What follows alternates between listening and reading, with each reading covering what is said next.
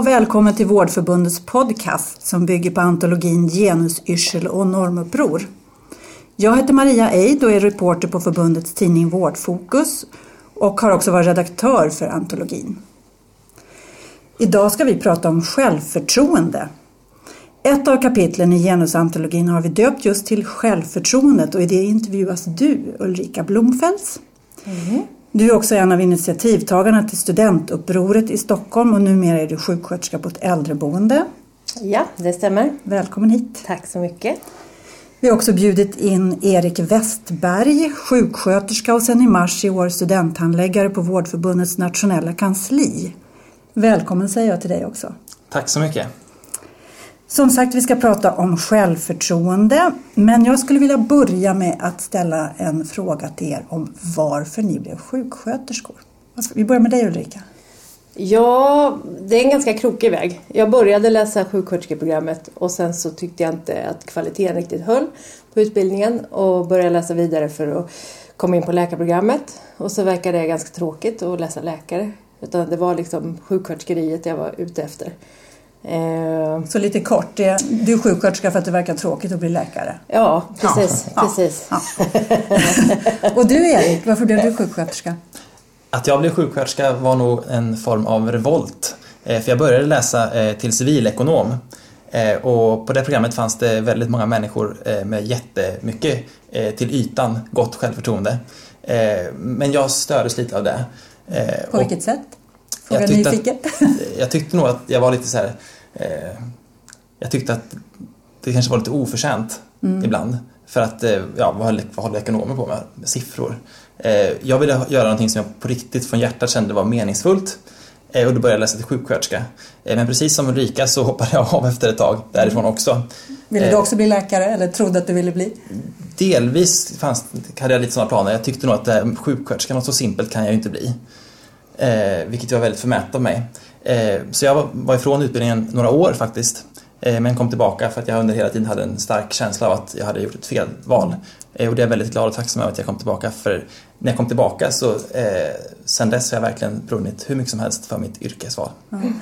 Och du stötte inte på något oförtjänt högt självförtroende när du läste till sjuksköterska? Eh, nej, det gjorde jag inte. Nej. Men det har jag sen jag kom tillbaka stört mig på och stör mig fortfarande enormt mycket på att det finns ett så dåligt sjuk självförtroende bland sjuksköterskor. Okej, då eh, återkommer vi till det. För det, det pratar vi om i boken också. Det har, har du och jag pratat om Ulrika mm, i, mm. i boken Genusantologi. Och, eh, ja, det är oförklarligt. Det är oförklarligt. Vad är det som är oförklarligt? Att många sjuksköterskor verkar lida av ett dåligt självförtroende. Hur märks det? Dels tycker jag det märks i lönefrågan och i, eh, när man möter kollegor som inte riktigt finner styrkan i att möta arbetsgivaren. Eh, för när man tänker efter vad vi utför i vår profession så borde vi ha läskiga självförtroenden nästan. Läskigt eh, starka? Bra, ja. Mm. Eh, med tanke på de tuffa situationer som vi hanterar mm. på daglig basis. Varför har sjuksköterskor dåligt självförtroende? Eh, jag tror det handlar mycket om att vi dras på en historia som vi håller på att göra oss av med nu. Att det håller på att ske ett paradigmskifte. Och sen tror jag det har mycket att göra med att det delvis eh, är en kvinnofråga. Håller du med om det Erik? Ja, det gör jag. Eh, sen tror jag också att en eh, del i vårt dåliga självförtroende har att göra med att vi är dåliga på att eh, vi är lite osäkra i vår yrkesroll. Vi har inte riktigt koll på vad, vad vi är till för. Eh, det är en diskussion som vi inte för inom yrket eh, som vi borde prata mer om. Hur menar du då? Eh, att vi är dåliga på att formulera vad som är kärnan i vårt uppdrag som sjuksköterskor. Mm. Ja, vi blir lite av slasktrattar ibland och det ja. ska man akta sig för. Mm. Vi, pratar, vi, beskriver oss ibland som spindeln i nätet, mm. vilket jag tycker är oerhört dåligt för vårt yrke att beskriva oss som det. Mm. För det är någon som kan eh, lite om mycket. Men vi, istället för att våga uttrycka att vi faktiskt är experter på någonting. Mm. Mm. Och jag, vi är experter på omvårdnad.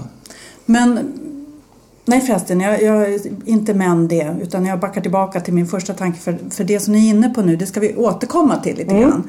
Eh, men jag skulle vilja ändå börja med, eh, eller ha så här pass tidigt i diskussionen med er om, om anställningsvillkor eller villkor för sjuksköterskor och självförtroende. För här sitter vi med ett helt program om självförtroende. Och det är ändå genusantologin och, och Vårdförbundet handlar mycket, arbetet handlar om, om villkor, anställningsvillkor och göra det bättre. Att, att peka på vad, vad Vårdförbundets medlemsgrupper gör och vad de är värda och så. Vad har det med självförtroendet att göra? Jag tror det har ganska mycket med självförtroendet att göra och, och att vi som yrkeskår till viss del är lite historielösa ibland. För det har ändå hänt väldigt mycket i vårt yrke på ganska kort tid. Och om man tar det till Vårdförbundet så har det ju också hänt väldigt mycket på ganska kort tid. Och jag tror att Vårdförbundet är ett tuffare fack, ett tuffare fack nu än vad det var för bara tio år sedan. Och dess medlemmar, självklart. Ehm. Men ja, jag vet inte. Vad tycker du? Apropå, för, apropå det du säger att vi är lite historielösa så kan jag hålla med i det. Eh, för att eh, ofta när sjuksköterskor uttrycker sig så uttrycker man sig som att det är så, allting är så hemskt i vården och i vårt yrke. Allting är väldigt, väldigt illa. Eh, och det är sant i vissa delar. Det finns mycket som man med rätta ska kritisera. Men jag tycker jag ser en paradox i det där att samtidigt som eh, många beskriver att vården aldrig har varit sämre än vad den är idag så hade jag inte velat komma ut som färdig sjuksköterska någon annan tid än just idag. Därför att? Därför att sjuksköterskor har aldrig kunnat ta så mycket plats och haft så mycket makt som vi har idag, tycker jag. Men, kan man ta plats? Får man makt som sjuksköterska? Om man vill ta makt så kan man ta makt. Ja, vad ser ni omkring er? Du pratar i boken om att det är dags att kasta offerkoftan, så, offerkoftan, så uttrycker du det. Ja, för det, där vill jag spinna på vad jag säger för att vi har ju en stor inofficiell makt på våra eh, arbetsplatser. För det är vi som är närmast patienten. Eh, de flesta läkare, om man ser till den hierarkin som finns på ett sjukhus, eh, man är så i beroendeställning till, till varandra och det sjuksköterskan säger om hen har det väl underbyggt, har, man har mycket makt i liksom vården och riktningen eh, för patienterna och sådär. Och det får man inte heller glömma bort. Men sen handlar det om att ta den kunskapen och den makten till andra nivåer eh, i andra frågor också. För där faller vi oss gentemot arbetsgivaren. Eh, vi har inget emot att stå och prata mot överläkaren eller eh, sådär om det gäller någon patient som man verkligen vet eh, behöver vård på ett annat vis eller så. Men gentemot arbetsgivaren har vi väldigt svårt mm. att ställa oss upp och säga att vi kan någonting. Så när det gäller att föra patientens talan då är självförtroendet intakt men ja. när det gäller de egna villkoren? Då, då skulle jag säga där brister det.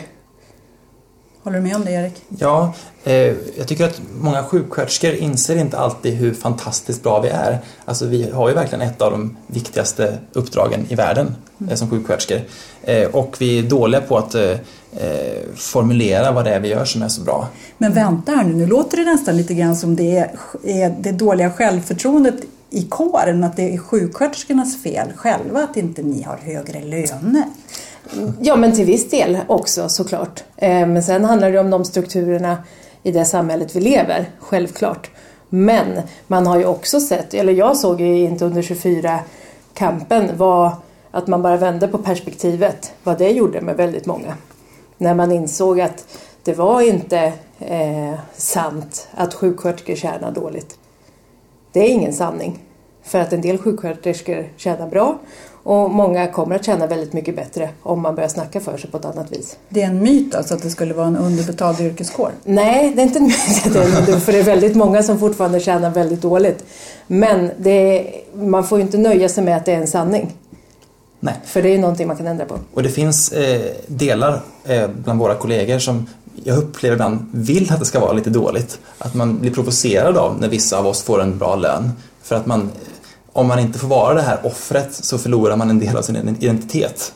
Mm. och det hindrar ju oss som kollektiv för att, att kunna utvecklas. Mm. Ja, det finns ett martyrskap. Mm. Det finns ett martyrskap. Ja. Du, uh, Ulrika, du var inne på 24K och du var ju en av initiativtagarna till studentupproret då. Mm. Uh, berätta, vad, vad, lärde du dig på vägen där? För där var, var det ju verkligen att ta plats att våga höras och, och vara obekväm och framföra krav? Och... Ja, det jag märkte var att många tyckte att det var väldigt svårt, men att det gick att lära sig. Och det är obehagligt att säga till någon, eller varför det är det, det är ju en annan fråga, men det är obehagligt om man inte har gjort någonting förut. Har man inte sagt till en arbetsgivare förut att jag tycker jag ska ha den här lönen så är det klart det är läskigt. Eh, men efter ett par gånger så blir det inte så läskigt. Och sen blir det självklart. Mm. Så allting går Det handlar ju om...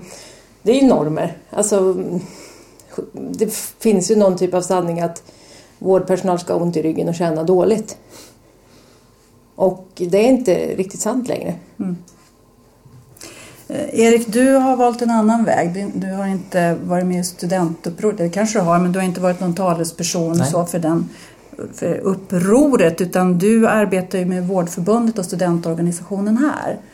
Hur kom det sig att du valde den vägen för din kamp? Eh, jag började eh, engagera mig redan som student själv. Mm. Och det jag störde mig på som gjorde att jag började engagera mig var att jag eh, egentligen inte var sådär arg som alla andra eh, som engagerade sig var. Utan jag var väldigt stolt. jag var stolt eh, över att jag eh, skulle bli sjuksköterska. Och, men jag blev arg på att jag möttes av strukturer, på, framförallt ute på praktiken, som, som, där man inte fick vara stolt utan man skulle liksom rätta in sig i ledet och, och bli en sköterska som alla andra. Eh, att man liksom inte fick vara eh, en, en grym sjuksköterska. Så stolt och våga stå för det här kan jag och ställa krav men inte så arg som de i studentupproret då eller vad? Ja, vi var väldigt arga. Ni var väldigt arga? jag, var det det? Du skrattar så mycket. Eh, jag, jag, tror att det är jättebra att man står på barrikaderna och är arg också. Eh, men jag tror att om man, eh, det som verkligen kommer att förändra vår situation är att att vi synliggör och diskuterar de strukturer som gör att vi inte har nått längre än vad vi har. Och det kräver att man inte bara eh, står och knyter näven utan man också vågar diskutera och också vågar vara självkritisk inom mm. kåren. Mm. Och det kräver ju självförtroende, att man vågar kritisera sig själv. Mm, absolut. Men det låter som, här bubblar det av självförtroende. Tror ni att det här också är en åldersfråga, en generationsfråga? Att det, att eh, sjuksköterskor i min 50 plus ålder att att, vi var, att vår generation har varit mer auktoritetsbunden på ett sätt som er generation inte är? Eller vad, alltså jag generaliserar jag, jag ja, jag, jag tror du generaliserar lite. Eller man får, där får man väl också se till lite till historien. Det är faktiskt en stor grupp, framförallt kvinnor, som länge blivit trampade på utav arbetsgivare eh, och samhälle också. Och då kanske inte så lätt, man, blir man tröttnar väl till slut också? När man inte ser Tycker du att du ser det eh, omkring dig? Nej, men jag tänker på de kollegor jag har som ja. är i, i, den åldern. Det är ju superduktiga, jättestarka kvinnor som mm. gång på gång påtalat problem och som på ett strukturellt vis har fått ta ett ansvar som de inte kan ta. Kan inte de bli provocerade av dig och ditt självförtroende? Nej, nej, jag har faktiskt inte mött så mycket. De tycker det är skitbra, de flesta. Sen kan de ju bli förbannade när jag har högre lön än dem nu.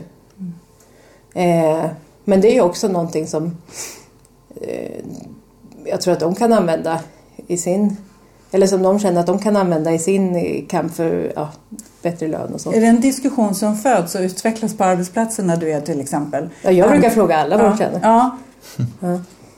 Så att, ni använder, så att den används som, som man säger att det ska göra när någon är en spjutspets så ska andra ja, ja, men få precis. av det. Ja, ja men och jag tror det alltså jag tycker det är viktiga frågor. Nu, det här handlar ju inte om självförtroende och lön, det är inte bara det det handlar om.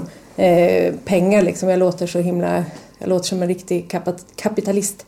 Eh, men ändå i våran individuella lönesättning så ska vi få ersättning efter prestation. Och då ser det lite ut som att vi inte presterar. Och det stämmer inte. Och det måste ju bero på någonting. Och jag tror självförtroende har mycket med att göra. Att, eh, ja, men att sträcka alltså det, det är mycket roligare när man vet att man gör ett bra jobb och man kan ha det här självförtroendet man har i jobbet gentemot sin arbetsgivare och kollegor och så också. Våga stå för det, att jag, jag är bra. Ja, ja men precis. Mm.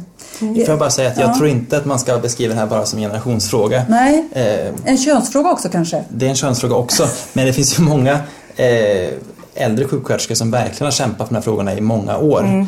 Eh, Men jag tänker att många av dem som har kämpat och som är lite äldre idag, de har eh, kanske slutat arbeta på golvet och de återfinner man kanske inom forskning och kanske som chefer ibland. Eh, problemet då är att många av de yngre sjuksköterskorna betraktar de här som då är de som faktiskt har tagit sig någonstans. Eh, man ser ner lite på dem.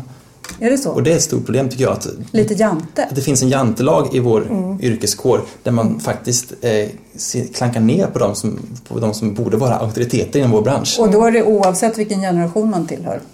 Ja, det tror jag. Mm. Att det finns liksom ett litet förakt mot att lyckas. Det är en jantelag. Mm. Och Ja, jag på att säga, nu, då kanske jag går utanför ämnet, men det, det kanske inte är specifikt för sjuksköterskor. Jantelagen är inte uppfödd eller skapad av sjuksköterskor precis. Nej, men och sen så syns det självförtroendet vi har visat nu, det syns ju på ett annat sätt för Facebook och Twitter finns. Mm. Alltså, mm. det är ju mycket lättare att visa på, på någonting, eller nå ut till massorna. Visa vem, vem man är. Ja, och... ja, men precis. Och de, de möjligheterna fanns ju inte bara för fem, sex Nej. år sedan. Mm. Så att det är ju självklart, det här, handlar, det här är ju inte någonting nytt utan det är väl det att eh, nu kan man eh, på ett mer organiserat vis eh, styra upp självförtroendet. Mm. Men eh, om det har med kön att göra så är jag lite raljant men ändå, det är en viktig fråga också. Eh, generation och självförtroende, personlighet, självförtroende individuellt naturligtvis. Men kön, finns en könsaspekt på, på eh, självförtroendet i kåren? Eller? Ja, det kan, om man tittar på vilka ideal som är viktiga inom vårt yrke så tänker jag att som sjuksköterska så ska man vara duktig. Det finns ett liksom, duktighetskomplex bland sjuksköterskor. Att man ska liksom vara till lag så typiskt kvinnliga egenskaper. Så. Eh, Medan man till exempel inte ska vara, eh, nu provocerar jag lite, men, men smart. Att man kan, smarta sjuksköterskor ses nästan som hot ibland. Eh, av? Av kollegor. Samtidigt som i sanningen att det finns ju så sjukt många smarta sjuksköterskor. Vi är ju väldigt smarta. Ja. Men det får man liksom inte, det får man tona ner lite grann som sjuksköterska. Och det är ju tragiskt att det är så. Och det tror jag är en genusfråga, att eh, kvinnligt tänkande eh, provocerar fortfarande väldigt mycket. Mm. Kvinnligt tänkande provocerar, vad, vad menar du då? Ja, till exempel så eh, när sjuksköterskor forskar till exempel så beskriver man ju ofta det lite raljant som flumforskning och att det är inte är så mycket att ta på allvar. Eh, när det är ju superviktig forskning. Mm. Men vem beskriver det som flumforskning? Är det sjuksköterskorna ja, själva? Eller ja, det, det tragiska är att vi ibland själva gör det. Mm. Mm. Det är ordentliga salver ni, ni firar av här mot den egna kåren. Jo men och sen så är det... Fast jag tror samtidigt... Vad, vad som är, förlåt, vad, som, vad, som, vad, som är, eh, vad som klingar bra och vad som klingar dåligt. Eh, med, med auktoriteter och, och, och, så. Läkare har ju, det är ju ofta den här med, med kvinnligt och manligt och läkare och sjuksköterskor. Eh, läkarnas ord ska alltid väga tyngre. Och visst, de har ett ansvar, ett medicinskt ansvar och vi har det omvårdnadsansvaret. Och det här omvårdnadsansvaret som är så superviktigt, det tonar vi ner ibland. Eh, gentemot till förmån för, ja, ja, men till förmån för läkarna. Eh, och jag säger inte att det ska vara någon motstånd eller vad säger man? Eh, vi måste ju jobba ihop för att det ska bli bra för patienten men vi, vi är duktiga på att tona ner vår profession i det här. I omvårdnaden runt omkring patienten. Jag håller verkligen helt med där. Eh, eh, nu tappade jag bort vad jag skulle säga. Mm. Eh, jo, salverna som... Sal salverna, precis mm. så var det. Eh, du säger att vi, att vi är bra salvor, det är ju sant. Men samtidigt tror jag att Ulrika och jag är ju yrkets främsta försvarare. Eh, det verkar ju som att vi verkligen eh, står upp för vårt yrke. Men är yrket bättre än kåren? det törs jag inte svara på. Nej, nu känner inte jag hela kåren. Så det...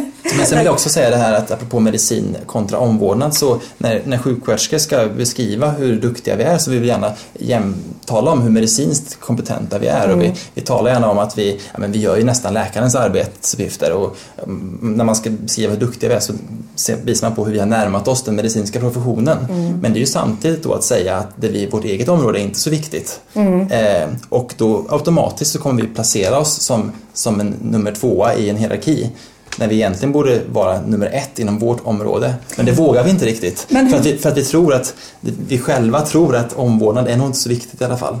Men hur driver ni den kampen då? För jag menar, det är ju eh, ja, för 20 år sedan när jag även då skrev i den här tidningen, då, då, då kunde man nästan med fog säga att omvårdnadsforskningen var flummig. Det har hänt mycket, säger jag, som har bevakat de här frågorna så pass länge. Mm. Och eh, jag, jag tänker så här, fortfarande är det fortfarande så att sjuksköterskor om sig själva, om kåren, pratar i så nedsättande och förminskande termer? Ja, ni... det lär man sig redan i termin ett på sjuksköterskeprogrammet att omvårdnad det är common sense. Det, kan, det, är, så här, det, det är inget man behöver liksom läsa i böcker. Och det är också den, den attityden man möter när man kommer ut på praktiken. Eh, men det är ju verkligen att skjuta sig själv i foten att ha den attityden. Verkligen, man blir upprörd utan att vara sjuksköterska. Ja, för jag menar, det är ju inte så trovärdigt. Vem vill gå till en sjuksköterska som tycker att det de håller på med är inte viktigt? Så jag tycker det låter, när ni pratar, jag blir nästan lite förvånad. För självförtroende och löner och arbetsvillkor verkar verkligen hänga ihop. Mm. Ja, men jag, jag, jag tror så här med hela vårat, hela vårt yrke. Nu har inte jag varit sjuksköterska så himla länge. Eh, jag är väldigt stolt över själva omvårdnadsprofessionen och eh, det arbetet som vi utför och man inser ju nu att det där som man kanske tyckte var lite flummigt och lite konstigt har man väldigt stor nytta av i sitt arbete. Men jag tror också att man måste börja eh, mer som vi pratade om i början, alltså definiera, sluta vara spindeln i nätet utan mer spjutspets i vårt yrke också. Att det här är inte för mig, någon annan kan kopiera de här papperna för att det är inte min arbetsuppgift. Ehm, att, att vi faktiskt blir mycket mer måna om och där kan vi ju ta mycket lärdom av många läkare som är väldigt duktiga på det och får väldigt mycket gjort. Just för att de tar sin profession på stort allvar. Och det tror jag vi ska börja med också. För då kommer vi bli tagna på ett större allvar. Läkare tar ju sig själva på ett jätteallvar och det är klart att det avspeglas i hur, hur andra eh, ser på den kåren. Men får, får inte sjuksköterskor väldigt mycket respekt, både från patienter och allmänhet och... och jo, herregud, jag jobbar på ett äldreboende. Då, är man, då får man absolut en stor respekt och allmänheten tycker jag också visar en jättestor respekt. Men det handlar om att vi måste visa oss själva en större ja, respekt. Respekten inom ja. kåren för Ja, men inom kåren och att det vi gör. Och, och jag tycker att man ser i debatten att det här kommer mer och mer. Nu har inte jag följt den här debatten i, i 20 år, men jag tycker mig ändå... Det är inte många som säger bara sjuksköterska längre. Nej, men tyvärr så tror jag att vi ibland får respekt för att vi så duktigt och fint utför det läkaren säger åt oss att göra. Eh, och det är inte det vi ska ha respekt för. Vi måste ju själva definiera vårt arbete. Men så är det fortfarande?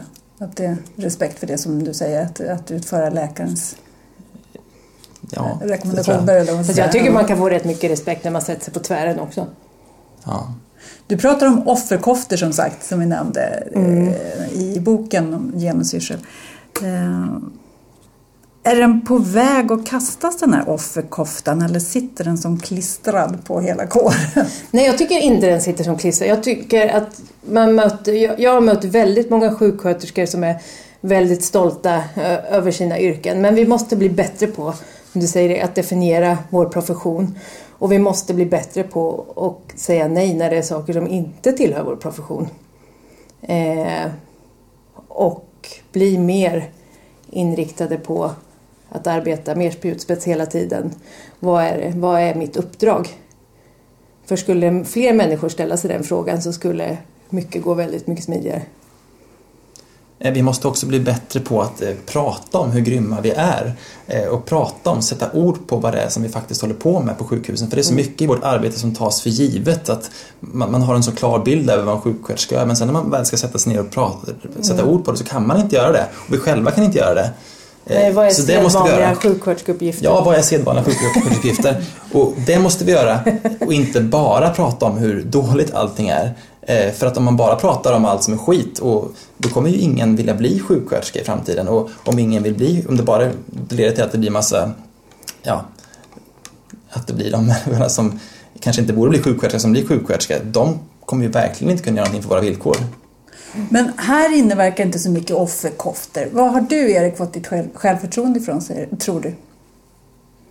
Eh, jag tror att jag har tvingats eh, reflektera väldigt mycket över mitt yrkesval eh, och tvingats reflektera väldigt mycket över vad en sjuksköterska är. Och då är det inte så himla svårt att få ett bra självförtroende. Nej, jag, jag måste bara bestrida det, därför självförtroende är ingenting man får tror jag. Utan det är någonting som man verkligen jobbar hårt mm. för att skapa sig. Eh, det, jag tror inte det är någonting, visst man kan växa upp i bra miljöer och sådär som gör att man tror på sig själv. Och, men det är faktiskt någonting som man kan jobba med att eh, skapa sig. Då vill jag säga tack till dig Ulrika och tack till dig Erik för ett spännande samtal. Och I nästa avsnitt av podcasten kommer vi att prata om mansrollen. Lyssna då. Du har lyssnat på Vårdförbundets podcast Genusyrsel och normuppror. Tidigare avsnitt och information om antologin med samma namn hittar du på vardförbundet.se genuspodden.